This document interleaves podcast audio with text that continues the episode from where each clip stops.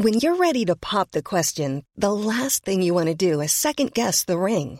At Bluenile.com, you can design a one of a kind ring with the ease and convenience of shopping online. Choose your diamond and setting. When you find the one, you'll get it delivered right to your door. Go to Bluenile.com and use promo code LISTEN to get $50 off your purchase of $500 or more. That's code LISTEN at Bluenile.com for $50 off your purchase.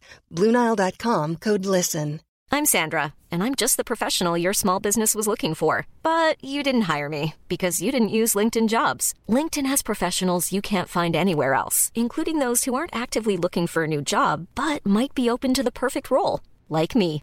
In a given month, over 70% of LinkedIn users don't visit other leading job sites. So if you're not looking on LinkedIn, you'll miss out on great candidates like Sandra. Start hiring professionals like a professional. Post your free job on linkedin.com/people today.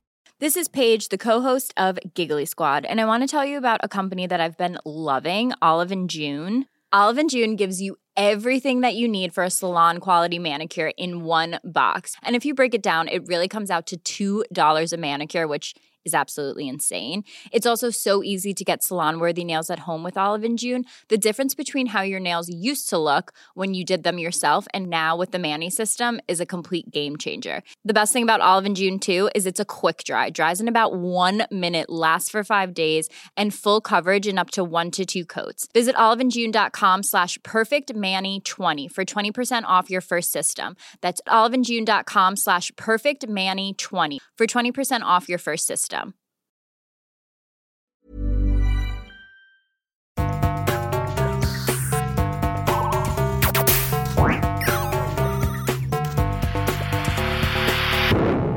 Velkommen til Sinnsyn.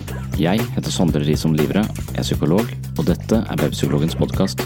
Hverdagspsykologi for fagfolk og folk flest.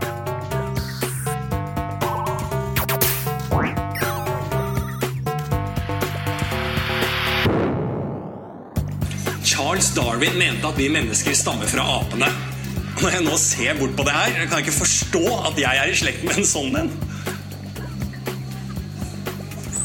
Men du er jo kristen, eh, og du mener jo at Charles Darwin og evolusjonsteorien og alt dette her bare er tull? Of course, it's pure nonsense. Everybody know that our Lord or the Almighty God and His Son, our Savior, Jesus Christ, created everything. Ja, Hans Christian, det er bare å prate norsk, altså. Ok, det startet jo i paradis med Adam og Eva, og Gud vår Herre skapte jo alt. Ja. Så du mener at alt ble skapt på seks dager? Ja. Absolutt alt Ja, etter din mening ble skapt på Og hva tror du at alt startet med et smell? Jeg vet ikke. Velkommen til en ny episode av Sinnsyn.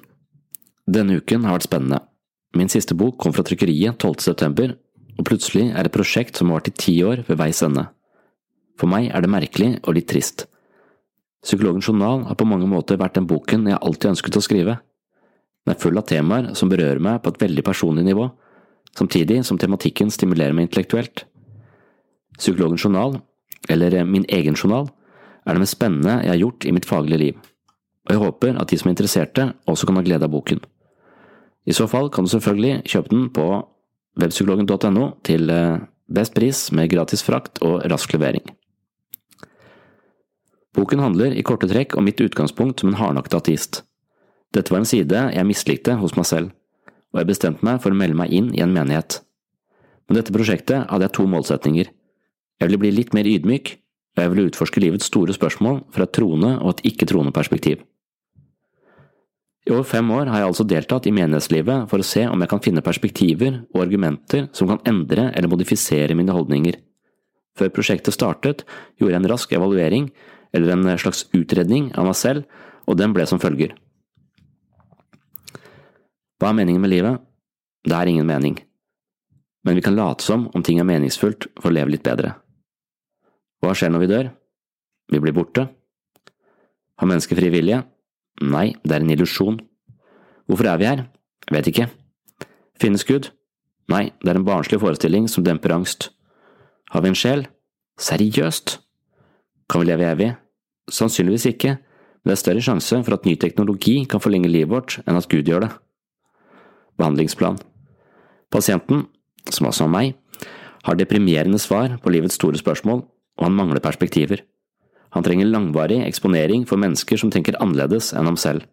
Prognose usikker. Boken kom altså ut 12. september 2018 på Cappelen Dam, og det er en bok som følger meg når jeg forlater kontoret for å undersøke livets mysterier. Finnes Gud? Hvorfor er vi her? Hva er meningen? Hvor er vi om 100 år? Hva skjer når vi dør? Det finnes mange store spørsmål, og svarene påvirker livet. Mine ateistiske perspektiver utfordres i møte med troende. Drevet av både nysgjerrighet og uro er boka en reise i motstridende ideer og et forsøk på å skrive seg ut av egne konflikter. I kraft av mitt yrke som psykolog og psykoterapeut forholder jeg meg daglig til menneskers sjelelige uro. Som psykolog anbefaler jeg folk å møte sine problemer ansikt til ansikt, og i denne boken skal jeg gjøre det samme selv. For meg har dette blitt en reise i utfordrende ideer, et møte med egen arroganse, eksponering for frykt og usikkerhet og en øvelse i impulskontroll. Samtaler om tro og tvil kan lett eskalere til høy emosjonell temperatur, og jeg har hatt mange ulike konfrontasjoner gjennom dette prosjektet. Boken, som skulle bli et saklig, psykologisk blikk på ulike livssyn, ble til en viss grad det, men det ble også til psykologens egen journal. Når sant skal sies, forsøker jeg å skrive meg ut av min egen uro i møte med mennesker som tenker annerledes enn meg selv. I dagens episode skal du rett og slett få høre en samtale jeg hadde med en journalist i Tønsbergs Blad. Vi snakket sammen på telefon, og han ville høre litt om psykologen som lanserte sin egen journal. Gjennom dette intervjuet får du et lite innblikk i hva boken dreier seg om, men det er kun et lite innblikk. Boken har 15 kapitler og spenner vidt i mange ulike retninger. Nå skal du få møte Erik Munsthjem og meg selv i samtale om psykologens egen journal.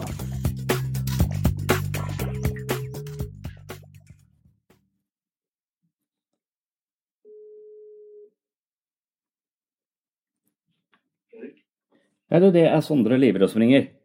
Ja, god dag. Hallo, ja. Yes, det var uh, journalen din. Ja, For å si det sånn, har du konkludert med noen diagnose? Uh, nei, uh, ja, jeg har, en, jeg har skrevet en epikrise på meg selv. Ja. Så, eh, men eh, hvor jeg, hvor jeg har en slags eh, konklusjon. Litt mindre urolig. Fortsatt eh, en del konflikter. Eh, du er altså ateisten som gikk inn i en menighet for å finne meningen med livet. Det høres jo ut som et litt spektakulært prosjekt.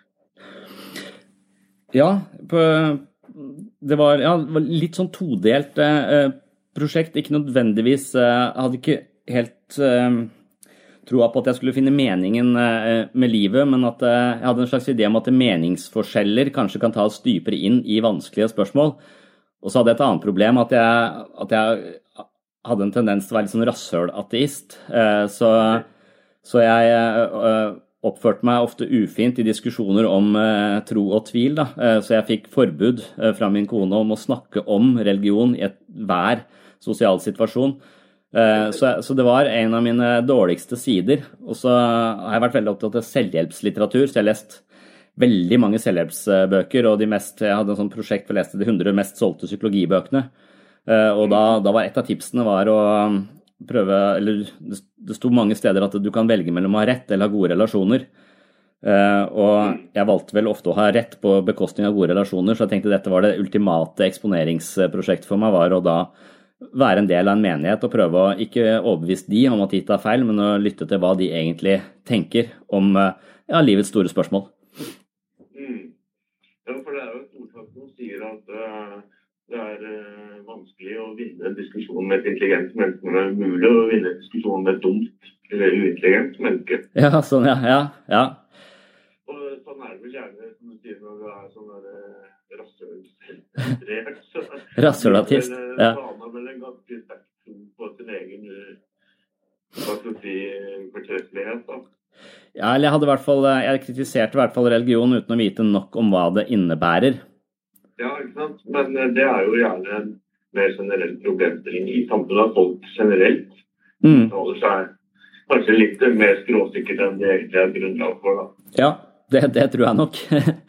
det, er lett eh, å gjøre, å gjøre det. Så, så det man kan si gjennom dette prosjektet, så har jeg i hvert fall fått veldig mye mer respekt for eh, religion. Og jeg har ikke Jeg vil fortsatt ikke anse meg selv som religiøs på noen måte, men jeg har fått helt andre ideer om, eh, om religion, og, og, og, leser vel Bibelen på en helt annen måte enn før. Eh, så, så det, har, det, har, gitt meg noe. Og Så har jeg også laget en podkast sammen med en pastor hvor vi har snakket i, ja, i 20 timer om disse, disse tingene eh, fram og tilbake. Så det hender vi surfer bare på overflaten, men innimellom så føler jeg vi kommer til en slags ja, At vi klarer å møte hverandre på en måte, i hvert fall. Eh. Ja, altså Forstår du nå hva du sier i større grad at hvorfor folk tror? Hvorfor de har en religiøs tro? Jeg eh, er fortsatt av den overbevisningen om at de ikke har godt nok belegg eh, eh, for å tro på det. Jeg tenker vel at det fins ikke Det er kun i matematikk det finnes bevis. Vi kan ikke få bevis på noe som helst, men, men vi kan ha mer eller mindre godt belegg for å tro på noe. Så, så når de f.eks. sier at ja, evolusjon er bare en teori, så, så, så, har man misforstått teoribegrepet, eh, i hvert fall sånn det brukes i forhold til evolusjon. Evolusjon er ikke bare en teori som om det er en løs hypotese, og at det kan hende det er sånn.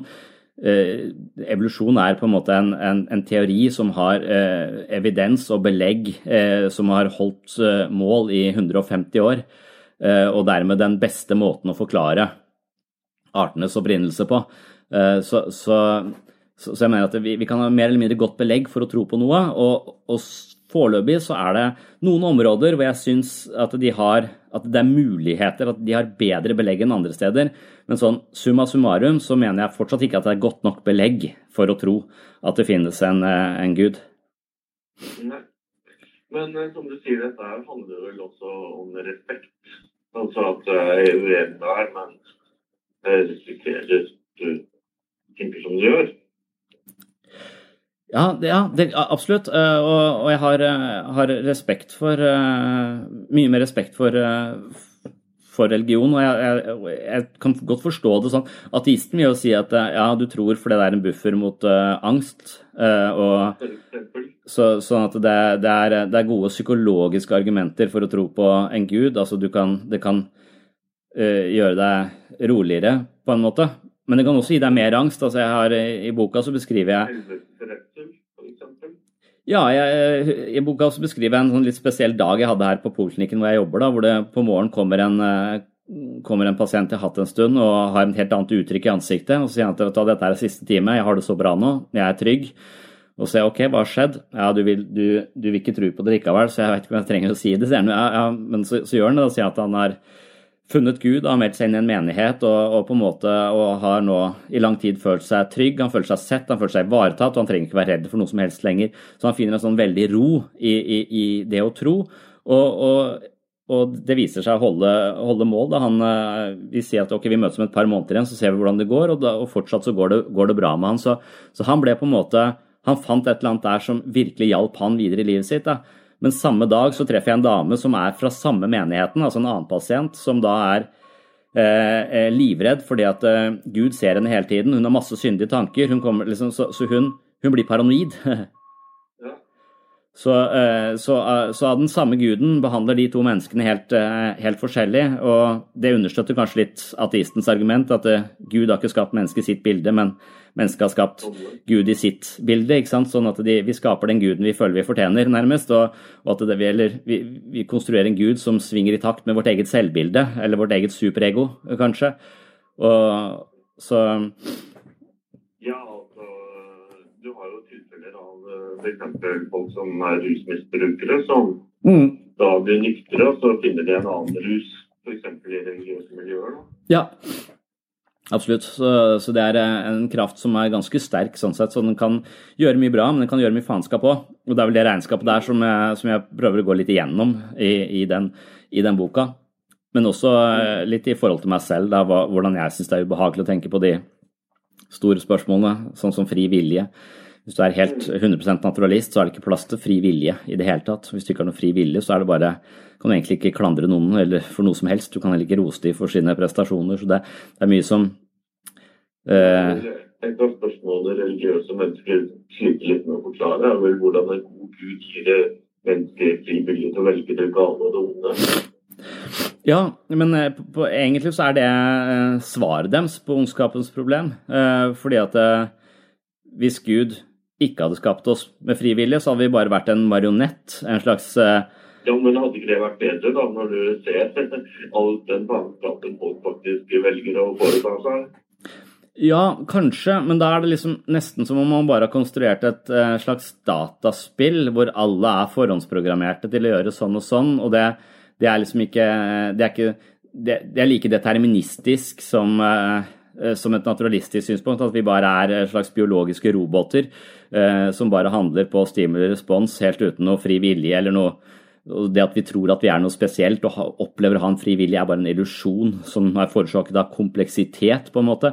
Så, så, hvis vi har en gud som har skapt oss som en sånn no, Jeg vet ikke hvor spennende det er for Gud heller, han veit alt som kommer til å skje, og han har skapt oss på en måte forhåndsprogrammert oss hele veien. Så, men for å gjøre oss frie, da, for å gjøre oss til dette spesielle i skaperverket, for å gjøre oss til frie individer og det, Dette står og faller, hele, hele troslæren står og faller på nettopp dette. for at det, Hvis vi skal komme til himmelen, så må vi velge Gud. Eh, vi må velge å tro på Jesus, for det er veien til, eh, til evig liv, kan man si, eller eh, til, til, til Gud. Og, og, for at det skal være et reelt valg, så, eh, så, må vi ha muligheten til å velge det motsatte. Og Det er der han har altså installert denne evnen i oss, at vi kan velge, og da kan vi også velge det onde. Så Grunnen til at det er ondskap, er fordi han har gitt oss fri vilje, og, altså da, og da, det innebærer muligheten til å velge, velge det onde. Mm. Men uh, du kan jo dra parallellen over i diverse politiske miljøer. Altså denne, den besettende tanken om at jeg har rett. Mm. Eh, hadde det vært noe å gå inn i et annet eh, politisk miljø som du ikke deler verdigrunnlaget til, og prøve å forstå dem? Ja, det, det, det, kan, det kan, godt hende. Bare at jeg føler jeg ikke meg ikke kompetent nok eller interessert nok. Jeg er veldig interessert i psykologi og menneskets måte å tenke og føle på, men, men jeg føler meg litt sånn ukvalifisert for, eh, eh, for å uttale meg om politikk. Eh, så, så, jeg har sånne igjen sikkert sterke meninger der òg, og jeg ville hatt problemer i, i, i, Frp. Men på den annen side så hørte jeg podkasten hvor Harald Eia og de personligste Siv Jensen. Og da fikk jeg et helt annet inntrykk av henne. Jeg fikk et mye bedre inntrykk av henne når hun fikk lov til å snakke litt lenger og forklare seg litt mer enn det hun tradisjonelt sett gjør i, gjør i media. Da. Så jeg tror nok at jeg kunne klart å modifisere meg. Det er vel min erfaring fra gruppeterapi som jeg driver med hver dag. altså noen mennesker er vanskelig å like i starten, men hvis du virkelig går inn og prøver å bli kjent med dem og prøver å forstå hvorfor de tenker sånn som de gjør, så, så vil ofte den ampre delen av deg dempes til fordel for en mer sympatisk innstilling. Og, og det tror jeg er en, et godt prosjekt for mange mennesker å, å prøve på. Og da da er nok det å gi opp den der behovet for å ha rett, og heller lytte litt mer til andre, et ganske godt, et godt tips. Da. Det er det jeg prøver å demonstrere litt i mitt møte med religion, samtidig som det da er en unnskyldning for å få skrive om alle de spørsmålene som jeg lurer veldig på, altså døden, meningen med livet, fri vilje, eh, hva skjer om 100 år, hva med kunstig intelligens, kan vi skape en gud? Eh, eh, som vi har slutta å tro på, nesten sagt. Eh, og mange, mange sånne. Si at det er fenomener i samfunnet som har overtatt gudsrollen. Altså, hva skal vi si, dansen rundt gullkalven. Om det er uh, kjøpesentre eller uh, sosiale medier eller hva det er, så er det et eller annet som mennesket har hengitt seg til. da, og dyrker. Ja, jeg er ikke sikker på om jeg kan si akkurat det, men jeg, jeg tenker og det som er en del av konklusjonen, er at jeg er litt, jeg er litt usikker på om jeg er tjent med å eh, kaste Gud ut med badevannet, på en måte. Fordi at eh, religion representerer et slags sånn psykologisk operativsystem eh, som gir oss noen føringer på rett og galt og hvor vi bør gå. Eh, og hvis vi kaster det over bord, så, eh, så, står vi tilbake. Vi må ha et nytt operativsystem. Og da vil sånne Sam Harris og sånne eh, mene at det skal bygges på rasjonalitet og, og, og så videre. Og jeg er litt usikker på om det er et godt alternativ eller et tilstrekkelig alternativ. Så av og til så ser jeg på Jeg ser på religion som et slags eh, som, som overlevering av ja, en slags mytologi da, som overleverer eh, urmenneskelig kunnskap om hvordan vi bør oppføre oss og leve best mulig. Så, så da kan man uh, lese Bibelen på en helt annen en helt annen måte og, og se på det som, eh, eh, som livsvisdom overført fra generasjon til generasjon i fortettet form, liksom som drømmene formidler mening til oss, men på en mye mer kraftig og mer sånn eh, narrativ form enn det gode råd gjør.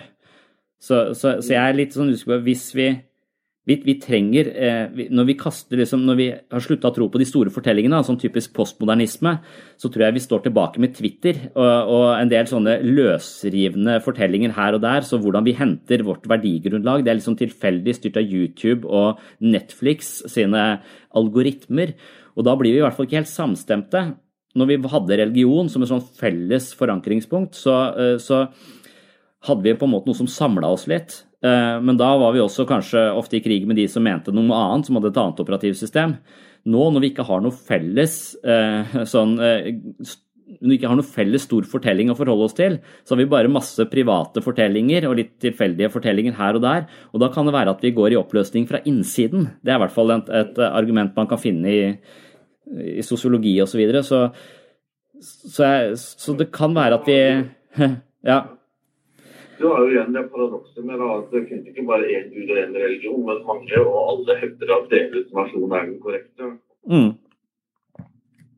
Mm. Altså det verdigrunnlaget som ligger i buddhismen, hinduismen, islam, kristendommen, altså det er jo forskjellig. Ja. Og det gir jo på hver sitt hold en rettesnor for hvordan man mener mennesker bør leve. da. Ja. Hvorfor er det ene mer eller mindre riktig enn det andre?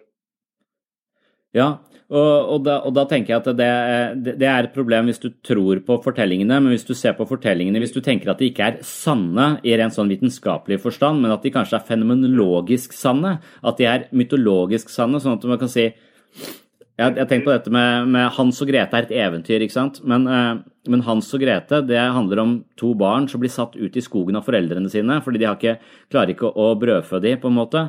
og og, og, det, og, og, så blir de De havner sammen heks og, blir, som skal fòre de opp på godteri, så de blir feite for å spise dem. Og, så jeg på, Det er en forferdelig historie jeg forteller barna mine, men, men hva, hva, betyr den historien egentlig? Altså, og, En måte å se det på kan være at det, som voksenperson, som forelder, så har du et behov for egentid. Du har et behov for å ta vare på deg selv, og ikke bare ofre deg for barna hele tiden. Så på et eller annet nivå så har du lyst til å forlate det familielivet og sette barna ut i skogen. Det har du ikke lyst til, men du, du, måte, du har lyst til å ikke hele tiden være der og kreves noe av. ikke sant? Så du, du trenger å, å ha tid for deg selv. Så kanskje disse foreldrene som setter barn ut i skogen, er denne behovet vi har for å ha tid til oss selv. Heksa symboliserer egentlig den overinvolverte forelderen som skal overta for barnet hele tiden og, og på en måte spise det opp. Det er den foreldre som ikke gir barnet selvstendighet, ikke tør å gi slipp på barnet i det hele tatt, men på en måte overinvolverer seg sånn at barnet blir nærmest eh, spist. Så et barn som da skal bli selvstendig osv., det må på en måte kaste foreldrene sine inn i ovnen, eller brenne de opp for å, for å, for å bli selvstendige og autonome vesener. Så kanskje hele fortellingen handler om disse Vi har et behov for å involvere oss i barna, samtidig som vi har behov for å være um, for oss selv og ha vår egen, egen tid. Så hele eventyret bare uh, iscenesetter en konflikt som alle foreldre typisk har i seg. og Dermed så betyr det ikke at en heks fins, eller at det, vi skal sette barn ut i skogen, men det, det formidler en slags følelse. Det, det, setter ord på en følelse vi har, en konflikt som vi har i oss.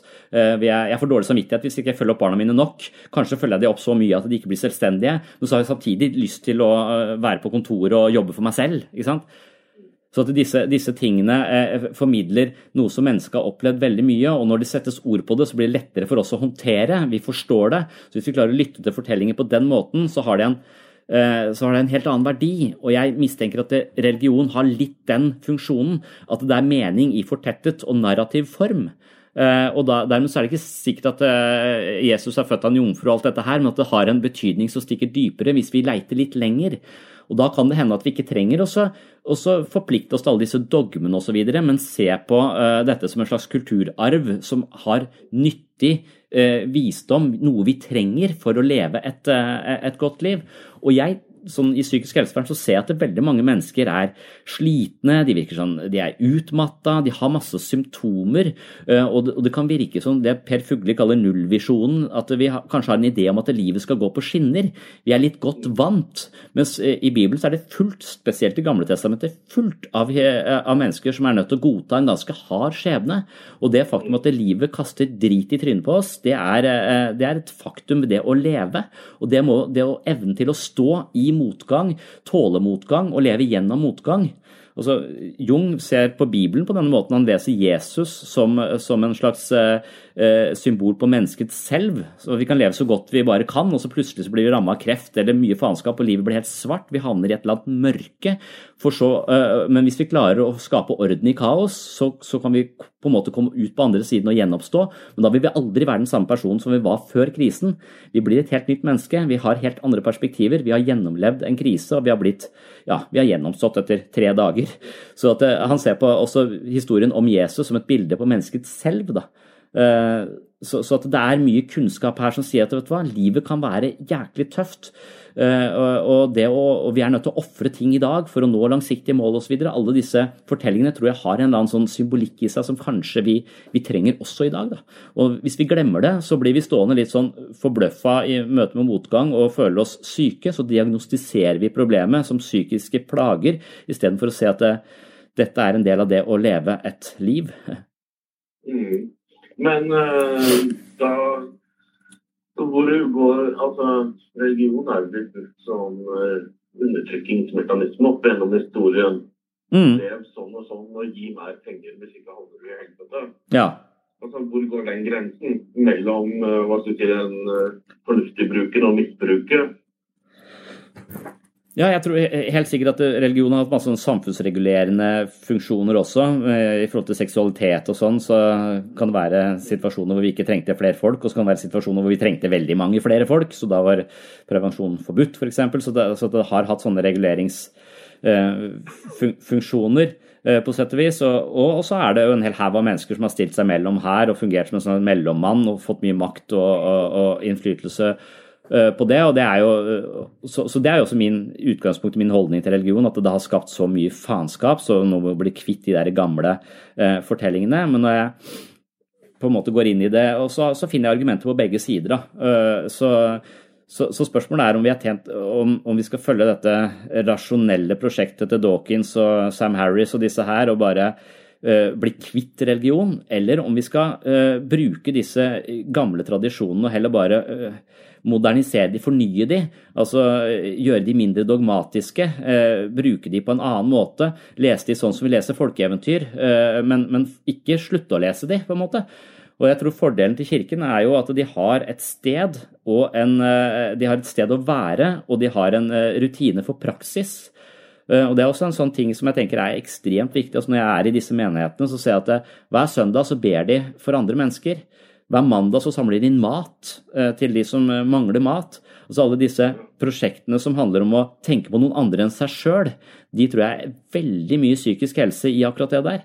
Det å være selvsentrert og opptatt av seg og sitt, da blir livet en kamp i konkurranse med andre mennesker. Men hvis vi trener på å tenke på andre enn oss selv, så får vi en helt annet eh, innfallsvinkel til, til livet som skaper mer harmoni i oss selv, samtidig som det gjør godt for andre.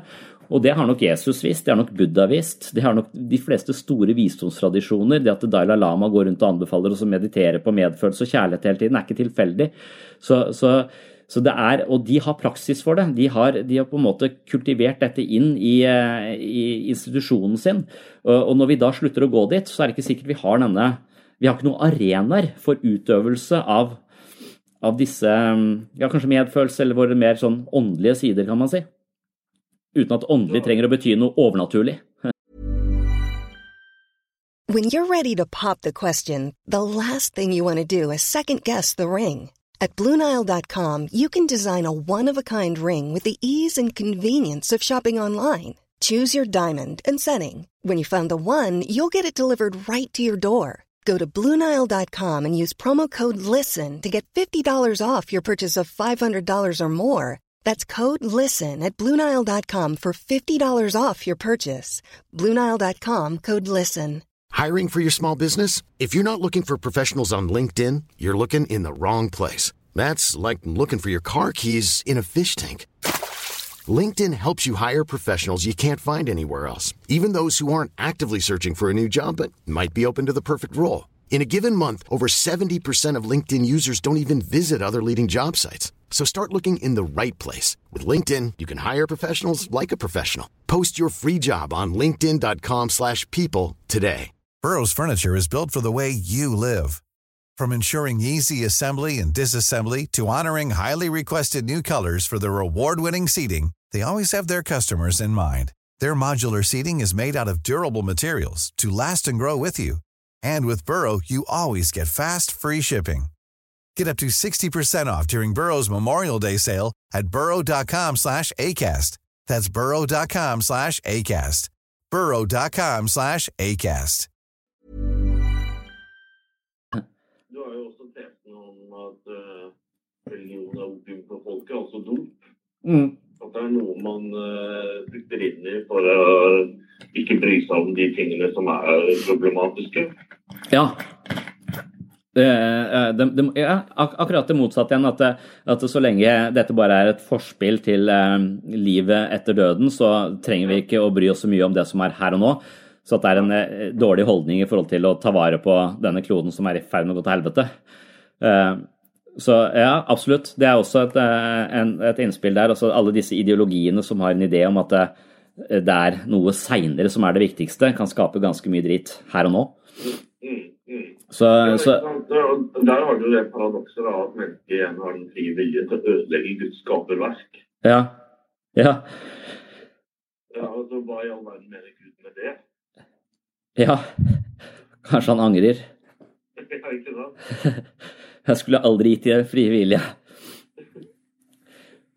Men så er, det, så er det mange andre sånne interessante ting eh, med dette her som jeg er eh, sånn For når du Jeg har gått inn i filosofi og mange sånne ideer som har dukket opp i mitt møte og samtalene jeg har hatt med prester og apologeter og alle disse, disse folkene, men også med, med folk som eh, snakker om kunstig intelligens.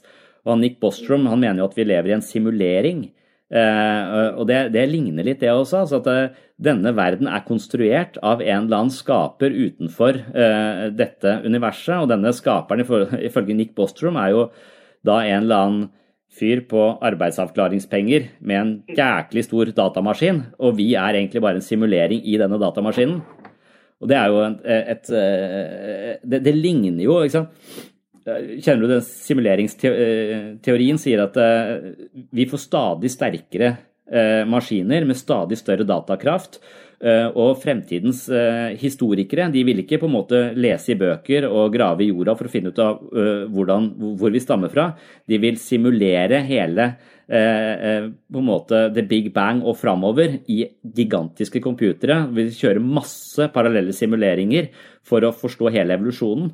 Og på den måten så, så sier han at det er usannsynlig at vi kommer så langt at vi får så mye datakraft at vi kan gjøre det. Eh, men eh, Fordi at vi kommer til å utslette oss selv på et for tidlig tidspunkt.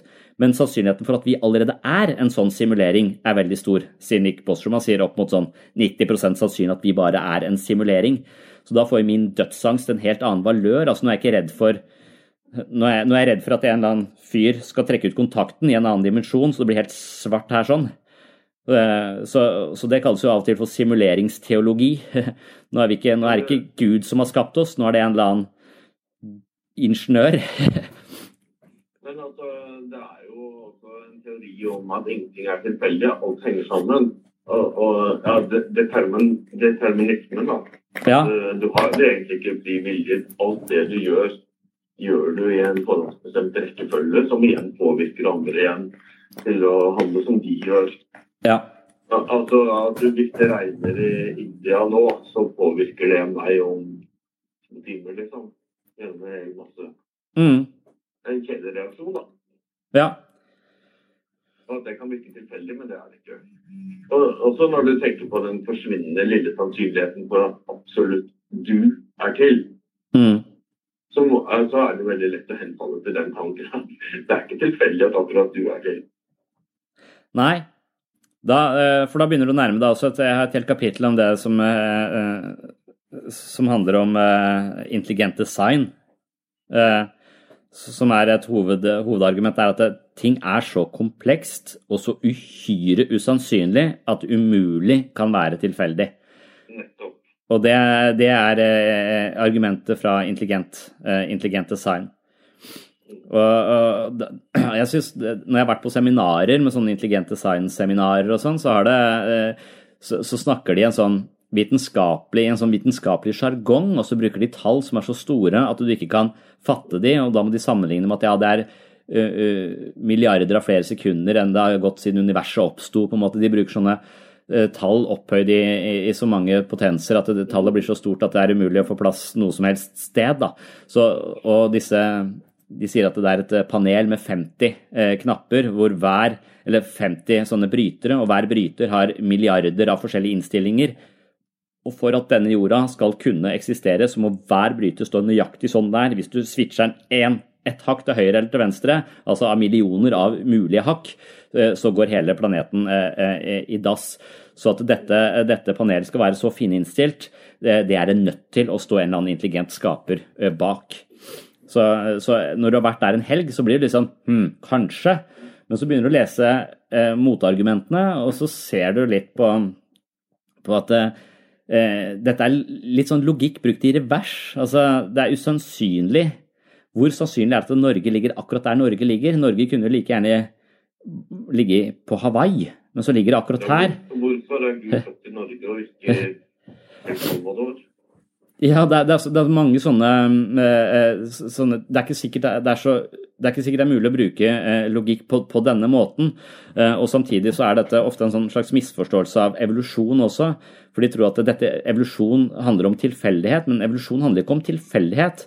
Altså hvis, hvis evolusjon handlet om tilfeldighet, så kan du sammenligne med at hvis du står med 20 terninger, og hvor stor er sannsynligheten for at du, kaster 20 seksere på et kast? Den er forsvinnende liten, så du må kaste sånn eh, Da må du kaste milliarder av ganger ikke sant, for, for å få eh, alle sekserne på ett kast. Men evolusjon fungerer på den måten at du har 20 seksere, kast, nei, du har, du har 20 terninger, kaster alle terningene, og så får du kanskje tre seksere, og da tar du vare på de. Og så kaster du resterende terninger om igjen, så får du kanskje to seksere, tar du vare på de.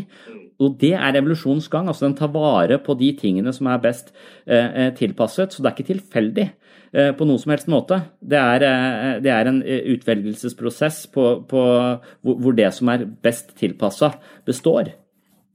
Men altså, bare for å koke dette her ned, handler det ikke egentlig uansett om teori, altså, hva teorien er, eller hva funksjonen er, eller eh, hva motivene er, så handler det om menneskesyken, rett og slett. Ja, er, religion er godt forankra i oss, og det har veldig, veldig mange eh, Det påvirker oss på veldig mange områder av livet. Det påvirker hvordan vi tenker om livet, det påvirker hva vi gjør, det påvirker moral, det påvirker hvordan vi eh, oppfører oss mot andre, hvordan vi ser andre. Altså, eh, Moral er et sånt sentralt tema her. Eh, Jeg har spurt pastoren rett ut kan en ateist være moralsk, og svaret er nei. Eh, Han kan, kan ikke det, og det har han masse gode grunner for å, for å mene. De ser på en måte på meg som en slags løs kanon, da. Så lenge min moral ikke er forankra i noe som ligger utenfor tid og rom, eh, eh, så kan jeg komme til å skifte mine moralske standpunkter eh, ettersom hvordan vinden blåser. Og, det betyr at ja, at de ser på meg som, som litt ustabil. Så de kan ikke på noe sånn De liker meg, og vi har god kontakt og sånn, men på en eller annen måte så Jeg er en fyr som pleier å føle meg sånn tilpass i de fleste settinger. Jeg pleier å klare å komme meg inn og, og liksom eh, ja, omgås andre på en grei måte. Eh, Og det gjør jeg også i menighetslivet, men jeg har en sånn, sånn grunnleggende følelse av litt sånn annerledeshet og utenforskap der, selv om vi er gode og vennlige mot hverandre. Og jeg mistenker av og til at det handler om denne underliggende fornemmelsen de har, at jeg er litt sånn moralsk ustabil. Da. At de ikke kan helt stole på det. De har sin felles eh, moralske forståelse forankra i noen som er utenfor her, sånn, utenfor tid og rom, som de forholder seg til. Og da, eh, og da er de mer De mener at de er mer rotfesta, på en måte, moralsk sett.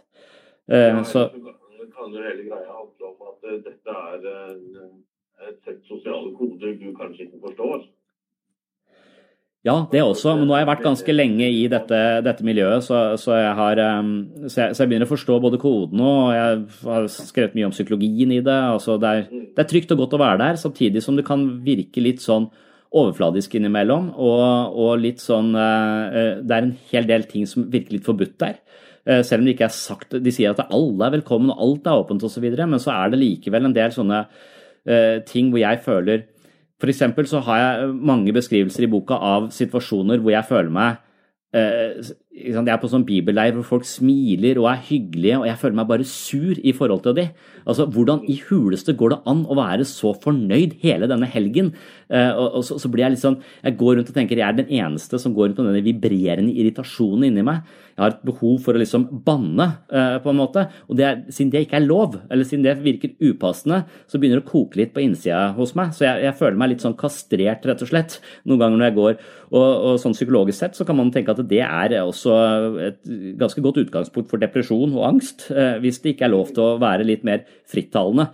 Eh, så, så, så, for mitt temperament så er det eh, litt problematisk å være i disse eh, miljøene. Og jeg mistenker at det også kan gjelde flere av de andre som, som er der, hvis ikke jeg er helt unik på det området.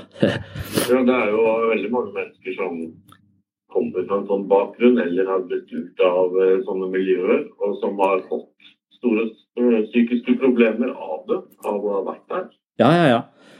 Det er, det er, jo noe jeg jobber med i min, min, min, jobb også, at jeg ofte treffer avhoppere.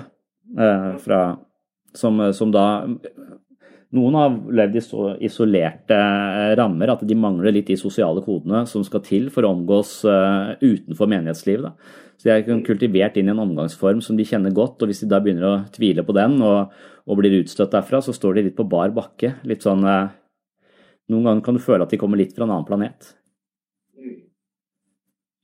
Men uh, for å avslutte der vi begynte, er det blitt en mindre, et mindre rasshøl i ungdom annerledes tenkende? Ja, det håper jeg. Det håper jeg. Og så håper jeg at denne uh, journalen uh, som er, som er mitt møte med de store spørsmålene, både er mer ydmyk. Eller det, den er jo skrevet i, i, i, over en periode på ti år, da, så kapitlene som er skrevet fra ateistisk ståsted, er, ført i pennen av meg som denne litt hardcore ateisten. Eh, og så har jeg argumentert mot meg selv i hvert eneste kapittel med de beste argumentene jeg kan finne fra motsatt hold. Så, eh, så, dette har vært en måte å, å ja, rett og slett leve seg inn i andre perspektiver for å motbevise meg selv. Eh, og, og nå er jeg Det tror jeg er sunt, altså. For, eller jeg føler at det er litt sånn Det er en god måte å prøve å jobbe med seg selv på. Eh, for å bli litt mer ydmyk, litt mer lydhør eh, og litt mer interessert i hvordan andre mennesker tenker uten for mye fordommer eh, i starten. Så jeg håper selv at jeg har blitt Jeg vet i hvert fall at jeg har blitt veldig glad i disse menneskene jeg har møtt i dette prosjektet, og at jeg har mye mer respekt for dem enn jeg hadde før jeg gikk, inn i det. Og jeg syns også det er mange interessante eh, dilemmaer her, som når det gjelder f.eks. hva er bevissthet. Eh, det klarer ikke vitenskapen å svare på. Det er et filosofisk vanskelig spørsmål. Og da er det ikke helt unaturlig, når vi mener at denne bevisstheten har en slags sånn metafysisk karakter, altså språk, hvor er det hen? Det ligger, det ligger et sted mellom materie og idé. Eh, og at det da er eh, en ørliten plass for en sjel. Det er ikke helt sånn, det er ikke helt far-fetched å tenke de, eh, de, tankene der. Så jeg har nok møtt en del argumenter også som jeg, synes, som jeg stusser litt ved, og som, som, blir med meg videre, som jeg kommer til å tenke videre på. da. Ja, for, men dette med å oppsøke miljøer som utgangspunktet er fremmed for en, og som en kanskje også utgangspunktet misliker av ulike grunner. Ja. Eh, det er vel ikke alle som egentlig er interessert i det, nettopp fordi at oi, det kunne jo, komme, kunne jo være at mine fordommer blir avkreftet, og det er ikke fordi jeg er så glad i. Ja, det er alltid litt smertefullt å måtte endre måter å tenke på. Men det er det som er jobben min. Eh, så jobben min er jo mennesker som møter meg, de er ofte deprimerte, ser på seg selv som mindreverdige og, eh, og mislykka. Og det er på en måte å være litt fundamentalist i forhold til seg selv. Da.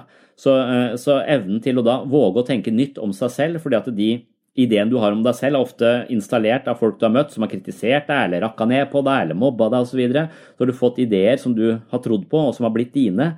Og nå lever du i en slags sånn skylapptilværelse med, med negative tanker om deg selv. Og da evnen til å tenke annerledes og nytt kan høres ut som ah, det er sikkert kjempebra, jeg er ikke så mislykka likevel, men det er skrekkinnjagende å oppdage at du faktisk har et høyere potensial enn det du lever, for da må du ta mer ansvar.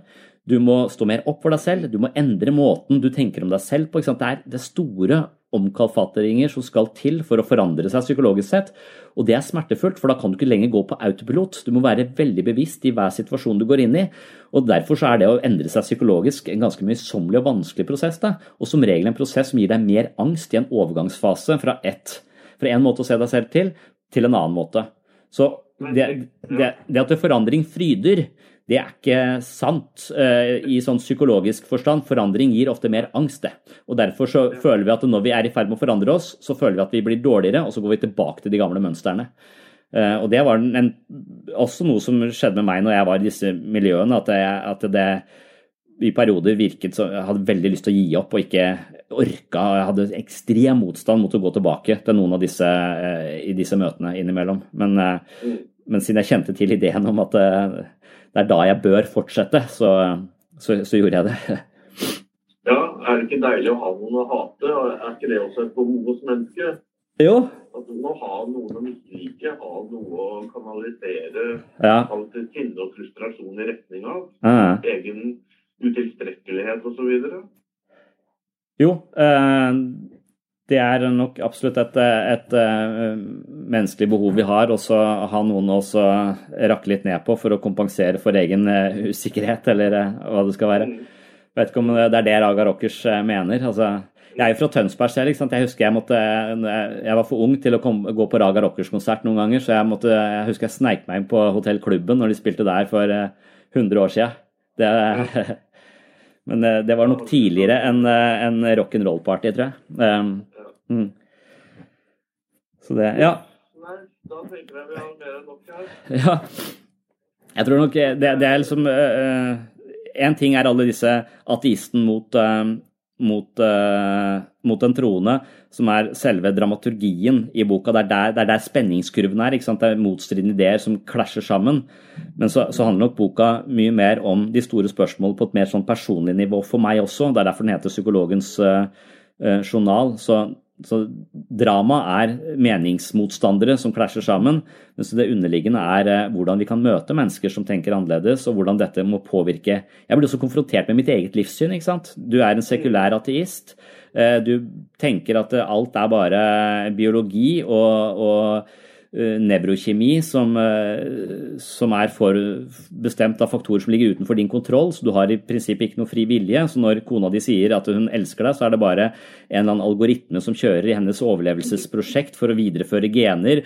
Og det faktum at vi har tre barn som vi ikke klarer å håndtere uh, alene, betyr at vi må holde sammen. Derfor så sier hun ting som passer i, i tråd med dette prosjektet vi da har sammen for å videreføre våre egne gener. Det er ikke veldig romantisk når det kommer til et stykke. Så jeg blir veldig konfrontert med mitt eget naturalistiske ståsted og spør hvordan kan du leve med den tanken i bakhodet uten å gå på sterke medisiner, spør disse religiøse menneskene meg. Og det har jeg må tenke mye på. Og Det er også et spørsmål altså, Behøver ting å ha noen mening? Altså Er det en mening? Er, er det nødvendigvis noen mening, og må det være det? Nei, det, det, er også et stort eh, et av kapitlene. Altså, Hva er mening? Og mening er liksom, tradisjonelt sett noe vi er dømt til å tilskrive vårt eget liv. Da. En rasjonell forklaring av et eller annet fenomen, det er en mening. Ja, for, for noen, men så, noen ganger så, så syns jeg de rasjonelle forklaringene også reduserer livet til noe som eh, eh gjør det mindre enn det jeg føler at det er. Så hvis du reduserer kjærlighet til eh, fermoner og nevrokjemi, så, så går du Så blir ikke den eh, romanen så fengende lenger. Selv om Richard Dawkins da skriver masse bøker og hevder det stikk motsatte når han skriver eh, 'Unweaving the Rainbow' for å liksom vise hvor fantastisk disse naturlige forklaringene er. Så, men, eh, men, nå er det jo sånn at regnbuen den ble jo satt på jorda av Gud for å demonstrere til noe at han skulle ikke komme noen flere sånne syndefloder og sånn. Så det er jo en litt annen fortelling som har litt mer snert, kan du si, enn, enn hvordan Richard Dawkins forteller hvordan lys bryter eh, med, med vann osv. Ja, hvis du liksom eh, ser vekk fra det direkte religiøse perspektivet, så går det an å lese religiøse skrifter som historiske produkter av sin samtid. Mm. Ja, for sånne hva skal si, gamle testamenter kan det være opplevd som en spenningsroman. altså Hvis du bare ser vekk fra det rent religiøse. Mm. Masse dramatikk. Masse dramatikk. og kanskje en dramatikk med en, eh, en form for uh, dypere mening. Uh, det Isak og Abraham. Abraham ofrer sin sønn, osv. Og, mm. Så ja. Det er mange ja, spennende Hvilken menighet var dette her? Eh, det var eh, primært eh, østsida frikirke. I Kristiansand? I Kristiansand, ja. Og så har jeg også hatt samtaler med andre apologeter, en som heter Stefan Gustavsson fra Sverige. Og så har jeg vært litt i Misjonskirken. Så har jeg vært litt en del i statskirken her, som er mye mer moderate enn disse frikirkelige miljøene. Statskirken har tilpasset seg i mye større grad De er ikke så konservative som, som Frikirken.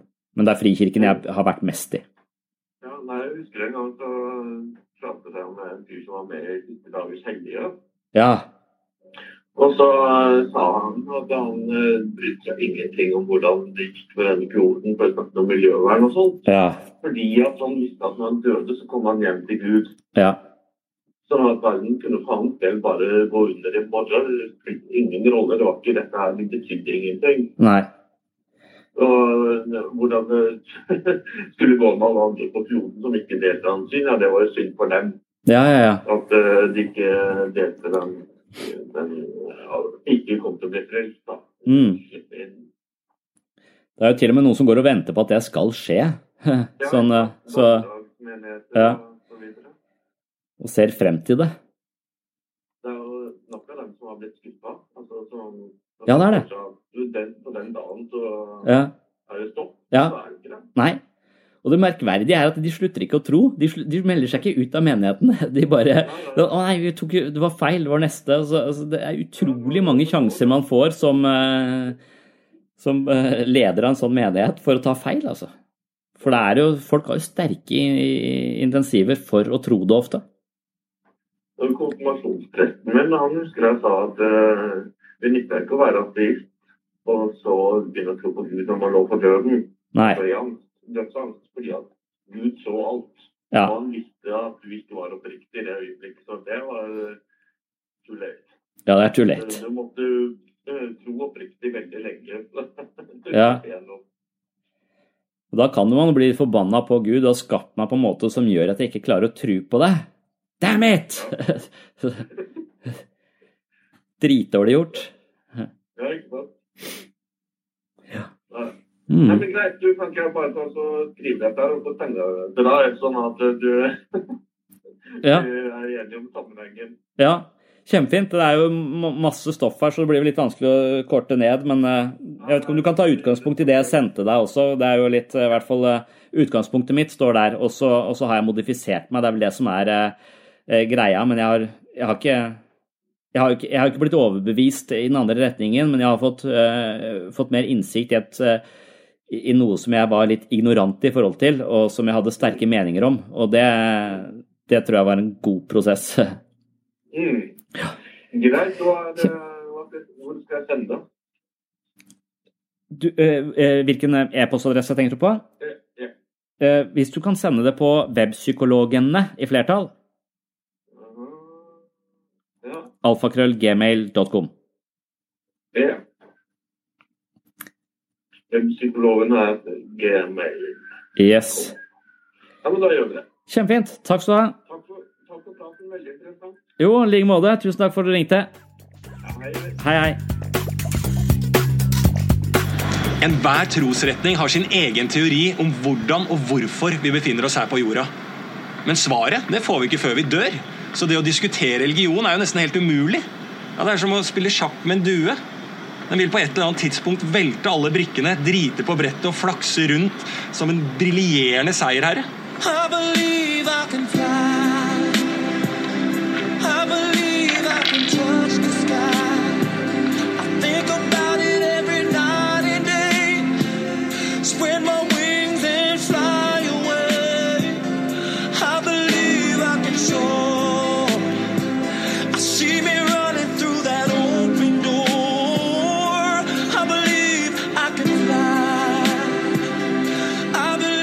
Takk for at du hørte på Sinnsyn. Hvis du synes at dette var interessant, så håper jeg selvfølgelig at du anskaffer deg Psykologens journal og klikker deg inn på min bokhandel på webpsykologen.no. Er du veldig interessert i denne tematikken og befinner deg i området rundt Kristiansand, kan du også være med på boklansering den 10. oktober 2018. Da skal jeg snakke om boken på et utested som heter Håndverkeren. Først presenterer jeg prosjektet, og deretter setter jeg meg ned på scenen for å diskutere tematikken med en pastor fra Frikirken. Det er Rune Tobiassen som er pastoren. Han og jeg er gode venner, men vi har veldig forskjellige oppfatninger rundt livets store spørsmål. Dette er en anledning til å drikke øl mens man får høre hva en pastor mener om livets mysterier, med innspill fra en kverulerende psykolog. Og det er faktisk en litt sjelden mulighet. Jeg gleder meg.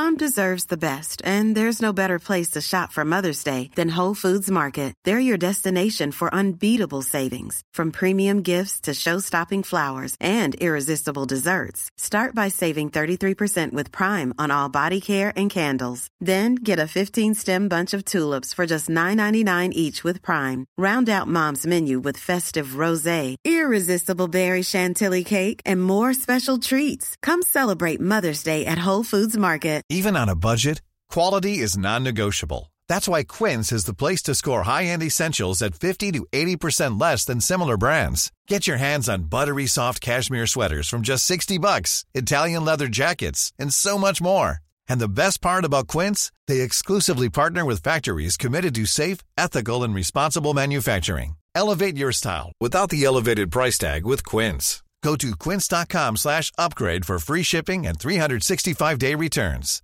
Hey, it's Paige DeSorbo from Giggly Squad. High quality fashion without the price tag. Say hello to Quince. I'm snagging high-end essentials like cozy cashmere sweaters, sleek leather jackets, fine jewelry, and so much more. With Quince being 50 to 80% less than similar brands. And they partner with factories that prioritize safe, ethical, and responsible manufacturing. I love that. Luxury quality within reach. Go to quince.com slash style to get free shipping and 365 day returns on your next order. Quince.com slash style.